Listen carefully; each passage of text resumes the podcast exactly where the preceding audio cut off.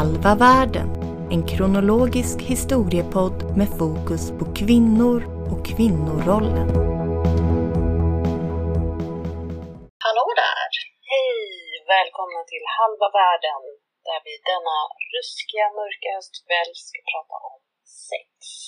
Sex och samlevnad i antikens Grekland. Mm. Idag ser vi det ju som en tidsperiod där homosexuellt sex var accepterat. Mellan män. Mellan män, Mm. väldigt sant. Prostitution var normaliserat, kunde ske öppet. Ingen grej. Absolut ingen särskilt, inget särskilt med det. Sex med barn, orgier, men framförallt har ju antikens Grekland gått till eftervärlden som bögkulturens vagga. Ja, verkligen. De är ju kända för det här homoerotiska. Det har ju varit en ganska viktig eh, bild som gaykulturen har liksom nästan tröstat sig med under, under tiden när homosexualitet har varit liksom sjukdomsklassat och olagligt och så vidare. Ja precis, Ja. att de gamla grekerna i alla fall, där, där Ja. var det okej. Precis. Mm, till exempel Oscar Wilde använde sig av Grekland som exempel när han skulle försvara sig. Eh, Han stod ju åtalad för sodomi, säga homosexualitet i princip. Ja. År 1895 tror jag det var. Och då utropade han vi är alla greker. vi är alla bögar alltså. Men vad hjälpte det? Han blev ju faktiskt fälld till, jag tror det var tre års straffarbete. Okej. Mm. Ja. Ja, men han, han eh, och många med honom har, har liksom sett Grekland som en förlorad utopi för bögar då framförallt. Och det är ju lite ironiskt tänker jag. ja, precis. Eftersom att i antikens Grekland så hade de ju inga riktiga ord för homosexualitet eller heterosexualitet. Det var mer, sexualiteten var som ett öppet smörgåsbord. Och man kunde plocka liksom godbitar. Man hade ena, ena kvällen kanske man hade sex med sin slavpojke och andra dagen så besökte man kanske en prostituerad kvinna eller ja, Kanske låg med sin fru ibland. ja, det var väl enligt lag så skulle man ligga med sin fru minst tre gånger i månaden. Ja. Så det var ju Någon gång hände det ju. Ja, precis. Eh, Så man tog ju för sig och det verkar som att man har haft en ganska lustfylld eller vad ska man säga avslappnad inställning till sex. Men det, ja, det gäller ju då såklart män ur aristokratin. Precis, överklassens män. Sen kanske inte var lika kul för de här då hororna på, eller slavpojkarna. Men Nej, det handlar ju inte så mycket om ömsesidighet i sexet. Även om det Nej. kunde vara lustfyllt för ja, den som tog för sig. Precis, de hade ju inte den här liksom, ömsesidighetsnormen som vi ändå har idag. Vi har ju i vår kultur en väldigt stark romantisk norm att om du blir kär så vill du ju att den du är kär i ska kär tillbaka. Alltså det, Oh, ja. det är ju halva grejen. Alltså, man, Absolut, man vill inte vara ett mercyfuck. Vad ska man säga? Välgörenhetsligg liksom. nej, man skulle ju inte stå ut med tanken på att någon var med en av liksom, ja, välgörenhet, varför nu skulle vara det. Så här den barmhärtiga sexuella samariten. Nej men eller liksom eh, betala någon för sex. Det, det står man ju inte ut med om man inte är liksom en, en incel eller en torsk eller alltså det är många Ja, som nej, är det. Ja, jo, det är sant, men det är ändå inte en Det är inte- norm Nej. synsätt liksom. Precis, det görs inte så här kärleksfilmer om, om incels som, som äntligen blir välgörenhetsknullade. Utan, utan vår, vår norm idag är att det ska vara en ömsesidighet. Men för grekerna så var alltså det här inte en grej.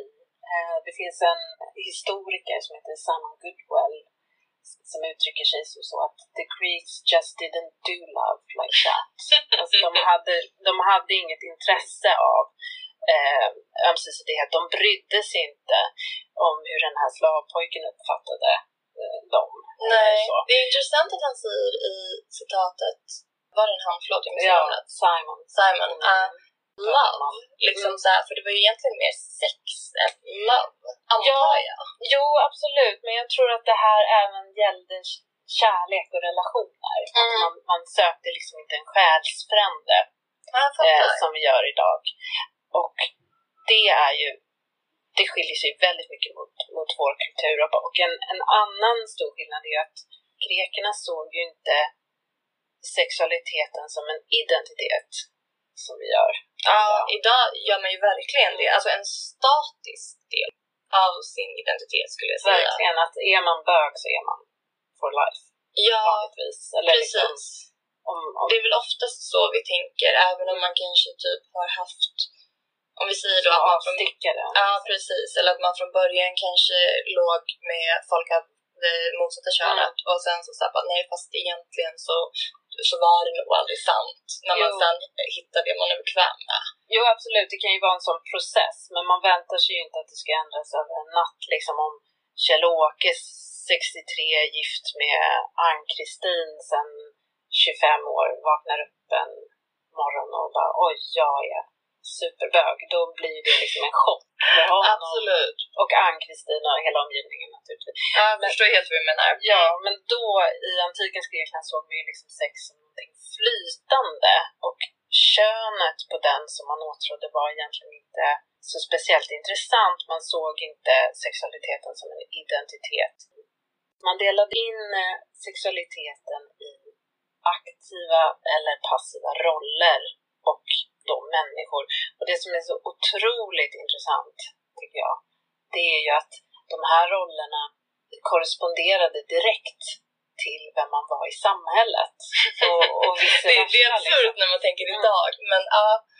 Jo, men det, det var ju verkligen så att den här aktiva rollen, den, den eh, hörde liksom, till maskulinitet, att man var dominant och då gällde det även i liksom, livet i övrigt. Man var rik, man var fri medborgare och man var också mogen ålder, så att säga. Mm. Det var då man kunde penetrera och vara den det. aktiva. Precis, och penetration är också oerhört centralt i hur man såg på sex.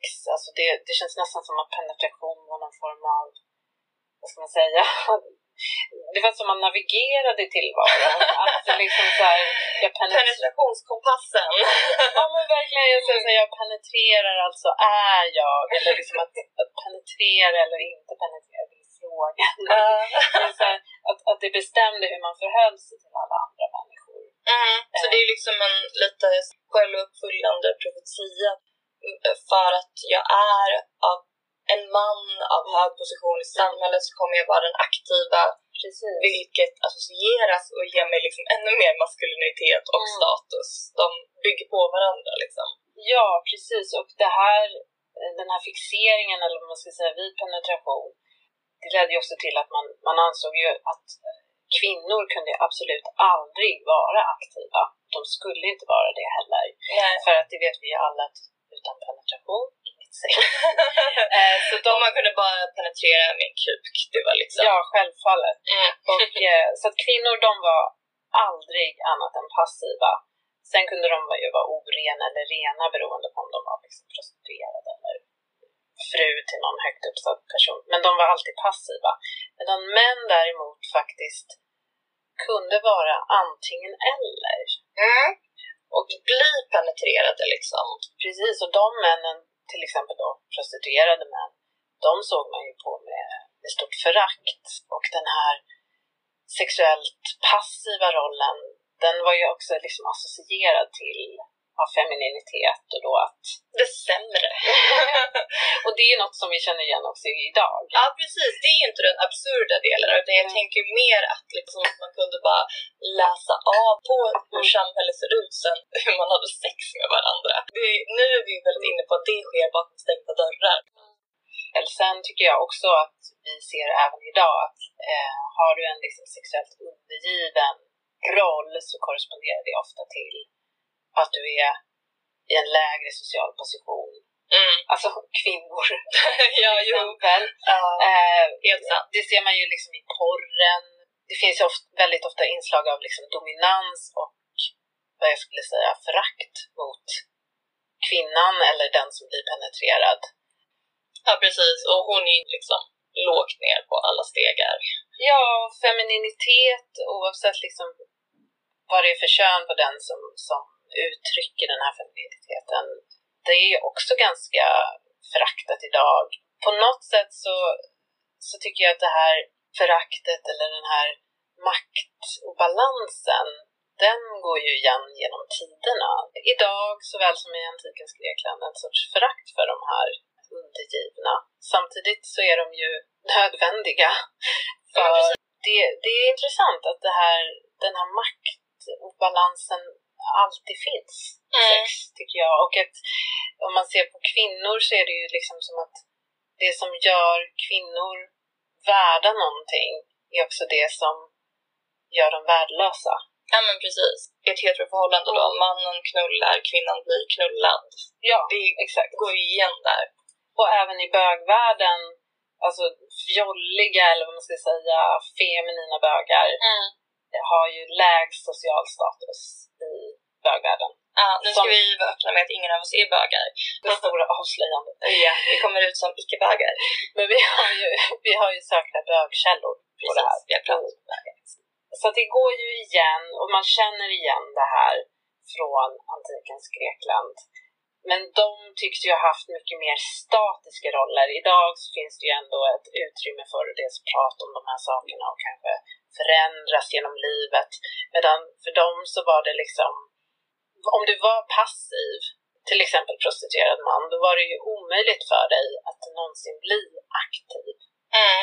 Och enda sättet för liksom en aktiv man att bli passiv, det var ju om han förlorade sin ära och heder liksom, i samhället. Ja, det var kanske lite högt pris att betala för att få... För att bli knullad. Ja, eller jag vet jo, jo, men det är klart att det var. Det är ju väldigt intressant att det går åt båda hållen också. Mm. Att om det kom ut till exempel att ja, den här eh, aristokraten, han tycker om att bli knullad. Så Eh, förlorar han i Ja. heder, eller sättet man ser på honom. Precis, då, då förlorar han socialt. Och tvärtom, om du är lågt ner på stegen socialt, då, då, då blir du knullad. Ja, Ja, herregud, vilket grovt språk. Eh, du eh, har rätt. Jag var inne på nu att eh, det, det fanns för vissa män Mm. faktiskt en möjlighet Ja. att i livet uppleva båda rollerna, både vara passiv och aktiv. Precis, det fanns en passiv roll som män kunde inta utan att de blev skammade för det. Utan att förlora sin heder. Mm. Precis, och det var ju rollen då som Eromenes.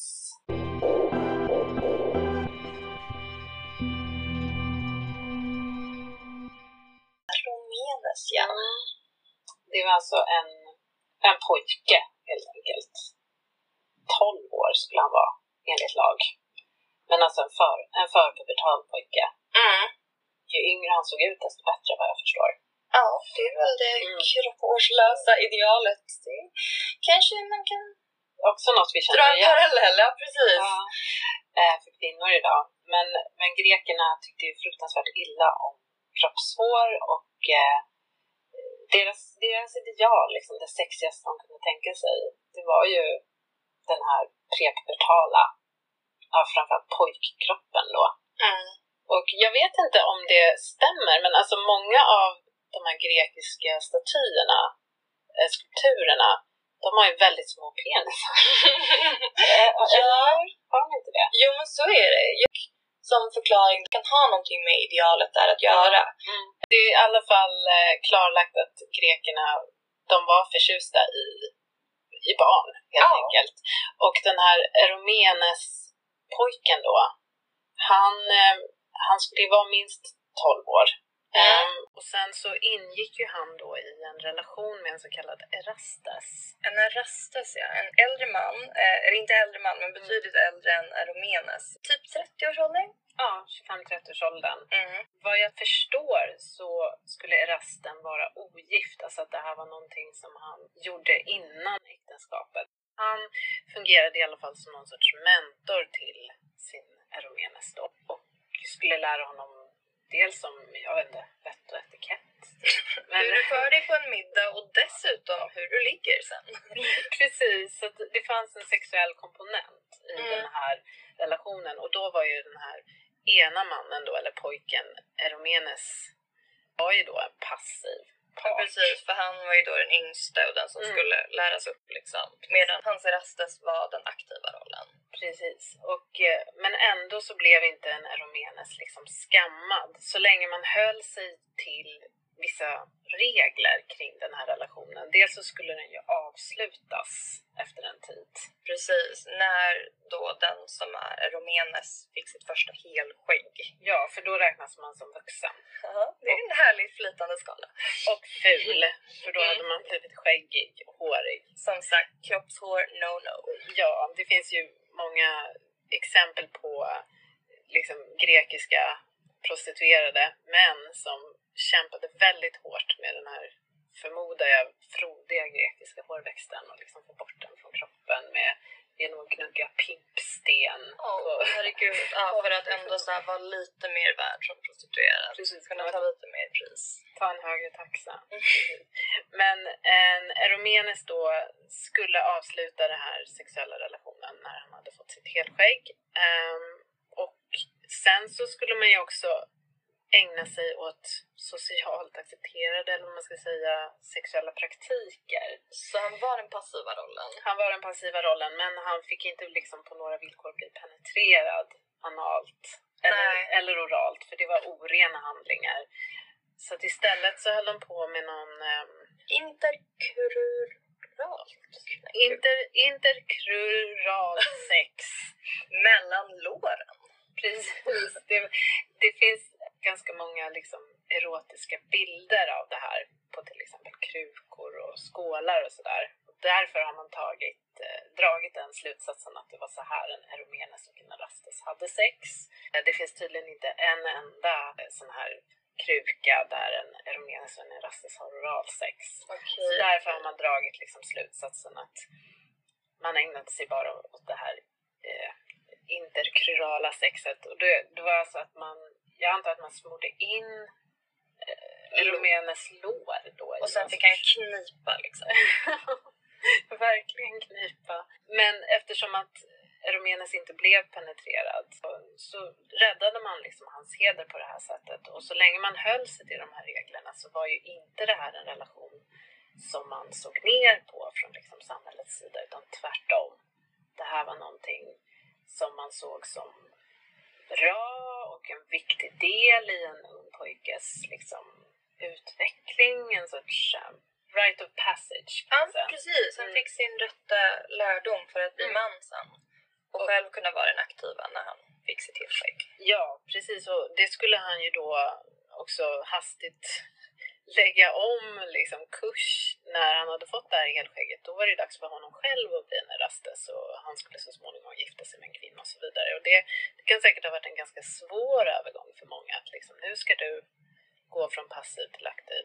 Ja, nu har vi ju ett helt annat Mm. synsätt så det går inte att översätta rakt av. Mm. Men så här, på din 18-årsdag, då byter du sätt du har sex på Ja. om vi säger så. Ja, men precis. Det, det är verkligen ganska absurt. Men det var alltså en relationsform som tycks ha varit eh, snarare regel än undantag bland de högre klasserna i alla fall. Aristofanes, en pjäsförfattare, för att citera honom, det är många atenska fäder som drömmer om att få sköna söner Mm. alltså vackra söner. Så att de kan få en, en riktigt bra Erastes på, på kroken. Väl lite som att liksom få in sitt barn på en riktigt bra skola. Typ. Alltså att det var, Och då hade man liksom, hade man en, då en vacker son kunde, kunde man välja lite bland de olika Erestes som anmälde sitt intresse. just det. Och de eh, fick ju nästan gå på liksom audition typ, hos, hos eh, de här familjerna och liksom uppvakta den här pojken på, på olika sätt. Och, och sen skulle pojken själv, men framförallt då hans föräldrar, ge sitt, eh, vad säger man? Godkännande. godkännande till någon som verkar lämplig. Man utsåg ju också från familjens håll eh, tjänare som man kallar för pedagoger som Mm. skulle liksom skydda pojken från liksom oseriösa Erastes-kandidater. Som, som ville penetrera honom någon annanstans än mellan låren. Eromenes förlorade sin heder. Ja, precis. Det är en form av, av hederskultur där. Och eh, Erasten skulle liksom bevisa att jag är inte bara ute efter sex utan jag, jag tar det här på allvar och det var ju liksom flera års långt åtagande. Mm. Och eh, vad jag förstår så även om relationen förändrades då efter det här helskägget så, Mm. så var det många som ändå behöll en relation liksom, Ja, livet ut. att man hade haft en mentor genom svåra Mm. tonår kanske. Ja, exakt. Om man, om man var pojke då. Motsvarande roll fanns ju inte hos kvinnor. Nej, vad vi vet så, så var det inte så att, att flickor fick liksom tant som lärde upp dem. Vad vi vet. Vad vi vet. Men samtidigt så vet vi också att Mm. två kvinnor kan ju aldrig ha sex med varandra. Så det kanske inte ens skulle gå. Nej, vem skulle vara aktiv, vem skulle vara passiv? Men det är också så att vi vet att flickor giftes ju bort oerhört tidigt. Precis. Ja. Nästan. Inte riktigt men nästan där i åldrarna som, 13-14. precis, som en pojke fick bli Romenes. Det, det var ju helt annorlunda för flickor. Medan den här Eromenes-relationen, den hade ju nästan lite gudomlig välsignelse också.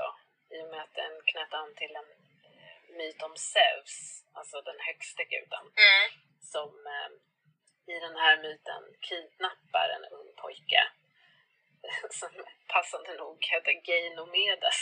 Ja, det är roligt. Det, det behölls väl som kodord sen inom gay-communityt länge. Ja, ända in på medeltiden Ja, var det ett kodord för bögar. så det är möjligt att den myten liksom gav en ett sorts gudomligt skimmer över den här relationen. Eh, Så man, man kan ju liksom tala nästan om en, en homonorm i antikens Grekland. Till skillnad från idag när vi har en väldigt stark heteronorm Ja, definitivt. Ja. så var ju liksom homosexualitet ja, men både accepterat och i viss mån önskvärt eller vad man ska säga. Mm, trots att då inte ordet homosexualitet fanns. Ja, precis. Det som vi kallar homosexualitet. Men det här var ju något som historiker och akademiker väldigt länge talade tyst om eller inte talade om alls. Samtidigt som högantikens texter har ju varit helt centrala för hela vår kultur, demokrati etc. etc. Så har man förtigit det här homo, homodraget. Mm. Ehm, Det ändrades ju abrupt i och med historikern Kenneth Dover som skrev en bok som heter Greek Homosexuality. Den kom ut eh, 78. Och den boken förändrade liksom allt. Ja, det är bara, bara i titeln så Ja, har man ju satt, den lämnar, satt tonen liksom. ja, den titeln lämnar ju inte mycket åt, åt fantasin. Men han, eh, han resonerar kring det här i boken att det tycks ha varit väldigt olika uppfattningar om homosexualitet i antikens Grekland. Och han tar upp Platon som exempel. Mm, Platon känner vi till, en filosof. Levde samtida med Sokrates, var en av Sokrates lärjungar. Var inte Platon Aristoteles lärare sen? Jo men exakt, det var Eh, Platon skriver ju i en text att eh, samkönad kärlek är liksom det högsta av det högsta. Fri biljett till himlen. mm. Eh, men sen så skriver han i ett senare verk som heter Lagarna, gavs ut postumt, alltså efter hans död. Då så beskriver han istället homosexualitet som fult. Det fulaste av allt fult. Det här förbryllade då den här Kenneth Dover att eh, hur kan det vara så motsägelsefullt? För det var ju inte bara liksom Platon som, Nej, som nej. led av den här förvirringen utan det var ju överallt eh, i det grekiska samhället så tycks det ha varit väldigt olika uppfattningar. Men, men Kenneth Dovers då lösning på problemet det var ju det här att han menade att homosexualitet, liksom all sexualitet i Grekland delades in i den här passiva aktiva rollen. Mm. Och att vara passiv, det var liksom alltid skamfyllt. Ja, så var det. Mm. Jag tror att han nästan var den som i princip lanserade den här teorin om aktiv och passiv sexualitet. Ett nytänk för att få ihop den här snurran. Hur kan det vara bra ibland och Ja, exakt. vidrigt ibland? Precis. I och med den här boken som blev väldigt hyllad och jag tror att så Michel Foucault byggde flera av sina verk på boken och tyckte att det var ett mästerverk och så vidare. I och med att den kom ut då 78 så började man ju ja, i princip nyöversätta Iliaden bland annat. Mm. Och nu så gick man kanske lite överstyr där. Allt, allt skulle torkas så bögigt det bara gick. Sen har ju liksom pendeln svängt tillbaka och man har, har upptäckt att flera av de här översättningarna som Kenneth Dover gjorde var ju rena här, det var önsketänk. Först gick vi från att vi inte representerade någon form av Mm. bögeri i antiken och sen efter Dovers verk Mm. så bara jo, men det är klart, alltså så här, det var överallt, det var hela tiden. Ja, allt var bara ett, en metafor för analsex. Sen dess så har liksom debatten rasat bland historiker. Hur var det egentligen? 2007 till exempel kom det ut en bok av en annan historiker som heter James Davidson och han hävdar ju mer att ja, Grekland var inte ett land utan flera olika Ja men precis. stadsstater och Ja. eh, så normer kan förändras över tid också och så vidare. Men det som också är lustigt är just det här eh, att det kan vara någons agenda att så här, homofiera. Ja, Det är så ovanligt menar jag. ja men absolut. som att från att man har tryckt ner det här i liksom, sekler så ska man plötsligt böga till det så Ja. mycket som möjligt. Oavsett vad man tror så är det ju ett faktum att det var en väldigt eh, homoerotisk kultur. Mm. Ehm, Och att det förekom samlag med barn som vi idag hade sett på som pedofili. Ja, absolut.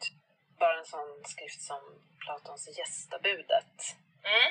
Det är alltså en pjäs som handlar om en, ett symposium. Ett sympo- äh, typ ett, ett party. Ja, idag betyder det typ ett så här akademiskt mingel, att man står i någon så här universitetsaula du vet så här alkoholfri cider. Åh gud, det låter stelt. snittar och kanske pratar om att någon har släppt en avhandling eller I, I don't know. Men då så var det en helt annan sak. Mm. Då Då, var det då var det party på riktigt liksom. Verkligen, det var så här, vinet flödade, prostituerade sprang omkring och eh, spelade flöjt och eh, drog skämt och eh, förmodligen annat. Men, Och där satt de eh, aristokratiska männen ja, i centrum. låg ner tror jag. Man- Låg ner? Låg, låg Gud, vad härligt. Låg till bords. Och i den här pjäsen så håller eh, alla gäster ett tal. Alltså alla manliga gäster, de här flöjtprostituerade får inte säga någonting naturligtvis. Mm, vilket är väldigt synd. Jag hade verkligen velat eh, höra deras syn på kärlek. För alla ska hålla ett tal till kärleken. Mm. Och där i den här texten så förekommer liksom flera, flera skildringar av det som vi idag kallar homosexualitet då mellan män. Sista talet i pjäsen, där kommer en oanmäld gäst som stormar in. Mhm. Han är berusad och han är sorgsen, upprörd och han heter Alkiabades. Det är ett passande namn. Han har lite komplicerat förhållande till alkohol verkar det som. De har ofta väldigt passande namn. Ja, Geinomedes och Alkibades. Ja, men i alla fall, så han kommer in där och jag tror att det är Aristofanes som säger du hörru, vi har snackat om kärlek, ska inte du säga något? Ungefär, tänk det fast på grekiska. Just det, på antikgrekiska. Och han är inte nödbedd utan han sätter igång och eh, spyr ur sig sin hjärtesorg över Sokrates. Så han är alltså- Sokrates, han är- som är där. Ja, Sokrates ligger där med en annan kille som heter Agaton. Ja men herregud. Och Alkiabades är oerhört svartsjuk och eh, jag ska läsa här. Mm. Jag trodde att han, det vill säga Sokrates, var hänförd på allvar av min skönhet och ungdom. Och jag tyckte att det var en underbar lyckträff för mig. För om jag gick Sokrates kärlek till mötes kunde jag få höra allt som han visste. Jag hade nämligen en fantastisk hög tanke om min egen skönhet. Han beskriver då hur han har försökt eh, förföra Sokrates. Tidigare hade jag aldrig brukat umgås ensam med honom utan tjänare. Men med detta i tankarna skickade jag nu bort tjänaren och blev ensam med Sokrates. Jag var alltså ensam med honom. Vi var helt på tu man hand och jag trodde att han genast skulle börja tala till mig. Som en älskare brukar tala med en älskad yngling när de är ensamma. Och jag gladde mig åt det. Men av detta blev intet. Åh gud. Så att fastän han är så snygg. Bara här, kom och ta mig Sokrates. Ja, så, så står Sokrates liksom pall. Jag vet inte om man kan se en, ett tidigt exempel på den här uppdelningen mellan kropp och intellekt här. Spaning. Ja. Men Alcibiades ger inte upp, utan han eh, bjuder med Sokrates till eh, gymnasiet. Så, Oh, gå på gympatejt. Precis, och det var en väldigt eh, smart drag tycker jag, för på den här tiden, alltså gym, gymnasium, det betyder ju nakenhuset i princip. Ja, Vilket speglar att eh, de var ju nakna alltid när de gymnastiserade då. Ja, vet du, eh, min mamma faktiskt, hon, eh, hon var tränare för ett gymnastiklag som hette just Gymnasflickorna. Och det betyder nakenflickorna. Nakenflickorna. Men de var jätteduktiga eh, på gymnastik, inte på att vara nakna. de, de var inte nakna. Nej, Men det inte var, på den här tiden. men det var ju grekerna faktiskt. Så man, man tänker att liksom, det är bättre dejt liksom, miljö. Mm, ja, verkligen smart tänkt. Man kanske böjer sig ner efter någon boll eller Precis. Men Sokrates, han bara gympar och sen går han hem. Helt otänd. Verkligen. Och eh, då Alcibiades ger ändå inte upp. Utan berättar vidare. Det dröjde innan han ens tackade ja. Men så småningom gick han med på att komma hem till mig på middag. Första gången han kom ville han gå så fort vi hade ätit. En gång till lade jag ut mig för honom. Ett fint uttryck. Och när han nu hade ätit pratade jag oavbrutet långt in på natten och när han ville bryta upp förlåt, skyllde jag på att det var så sent tvingade honom att sova över. Alltså jag tycker det är så fantastiskt att vi har de här texterna 2000 år senare. Ja, det är jätteroligt för att han beter sig då som en man och jämlike i och med att han kan göra de här dragen liksom. Ska vi gå till gymnasiet tillsammans och Mm. kom hem till mig på middag och sen pratar jag bara så att du är tvungen att vara kvar här. Men han ska ändå inte ha den passiva rollen sen och Sokrates i och med eh, hans intellekt och sin ålder ska vara den aktiva. Ja, exakt. Han har ju en väldigt stor respekt för Sokrates och ehm, jag vet inte hur det var liksom mellan män alltså, som inte var Eromenes och Erastes. Men det verkar ju som att i alla fall det här var någonting helt naturligt. Eh, Så som Platon beskriver det, för det beskrivs ju bara rakt upp och. Det är inget som man gör någon grej av i det här gästabudet. Eh, Jag ska bara berätta hur det slutar här. Ja, Eller hur det inte slutar. Alcibiades bjuder alltså in Sokrates till eh, nakendejt och middag och allt möjligt och tvingar honom att sova över Mhm. för det är så sent och så vidare. Och eh, Sokrates går och lägger sig. Då gör Alcibiades så här. Jag reste mig utan att låta honom säga ett ord till. La mig under hans nötta kappa, slog armarna om denna verkligt gudomliga och underbara man. Låg så hela natten. Ja, vi alla gudar och gudinnor. När jag steg upp efter att ha tillbringat natten med Sokrates hade inget mer långtgående inträffat än om jag hade sovit med min far eller storebror. Åh nej! Ja. Det är synd om honom. Att det handlar om olycklig kärlek som det är väldigt lätt att... Känner igen sig. Ja men precis. Även tack. om jag hoppas att eh, jag inte är sådär liksom rapey. Nej men det var det jag ville komma till förut, att det är så spännande för att han, alltså en, en kvinna som på något sätt skulle känna så här för någon man i Mm. antikens Grekland skulle ju absolut inte kunna göra de här grejerna. Nej, nej. Kom och jumpa med mig, kom hem till mig på middag. Det hade ju inte gått. Så där kunde han ju, där hade han ju fördel av, att vara man, så att han kunde göra det. Precis. Men också att det ses som helt, helt naturligt. Det, det, är inte det fantastiskt att en av de första texterna i västvärlden i alla fall om kärlek handlar om liksom en bögförälskelse? Jo, det, det är faktiskt jättefantastiskt. Jag hade ingen aning om det här. Det Nej. är inget som jag har lärt mig i skolan. Alltså, jag, jag visste inte det här förrän för typ några månader sedan när jag började researcha, eller vad det heter, för, Ja. den, här, för den här podden. Men det, det är alltså fint.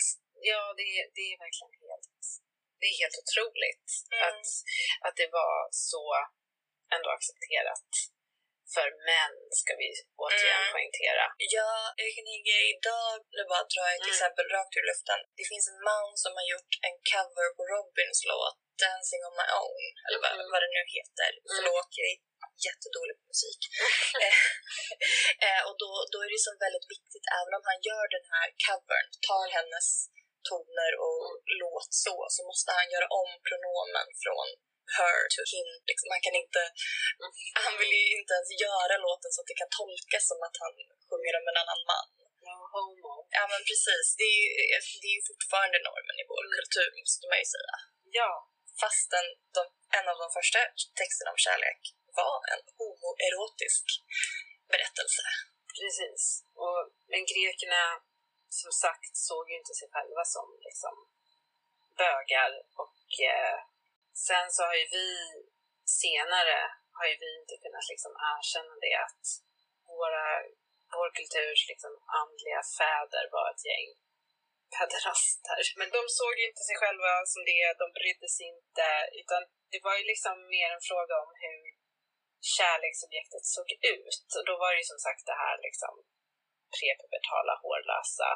Det finns ju ganska många dikter om, om det här. Och ja, får jag ta Ja. en dikt? Ja, kan du ta den här frundikten kanske? Jättegärna. Mm. Den här har då Flaccus skrivit. Några fjun har Ladon just fått på hakan. Han som är skön men så hårdhjärtad mot sina beundrare. Själv åtrår han redan en gosse. Hämndgudinnan får således en kortare väg att färdas. Ja, Ladon kommer få smaka på sin egen medicin här. Ja men precis, han, han är så vacker, Ja, denna unga Ladon. men nu börjar han liksom, Får lite fjun. ja nu börjar fördärvet. Jag tänker mig att då den här Ladon, han har fått erbjudanden Mm. från, från många äldre män. Ja, Men han är så hårdhjärtad. Ja, nu får han själv känna. Alltså, nu börjar det komma några fjun där och han åtrår redan någon. Tänk om den lilla gossen kommer vara lika hård mot dig. Vad gör du då Ladon? Ja, men den här dikten illustrerar ju just det här som jag varit inne på. Vilka ideal som gällde då. Både det prepubertala och att det var helt lugnt att åtrå en annan gosse.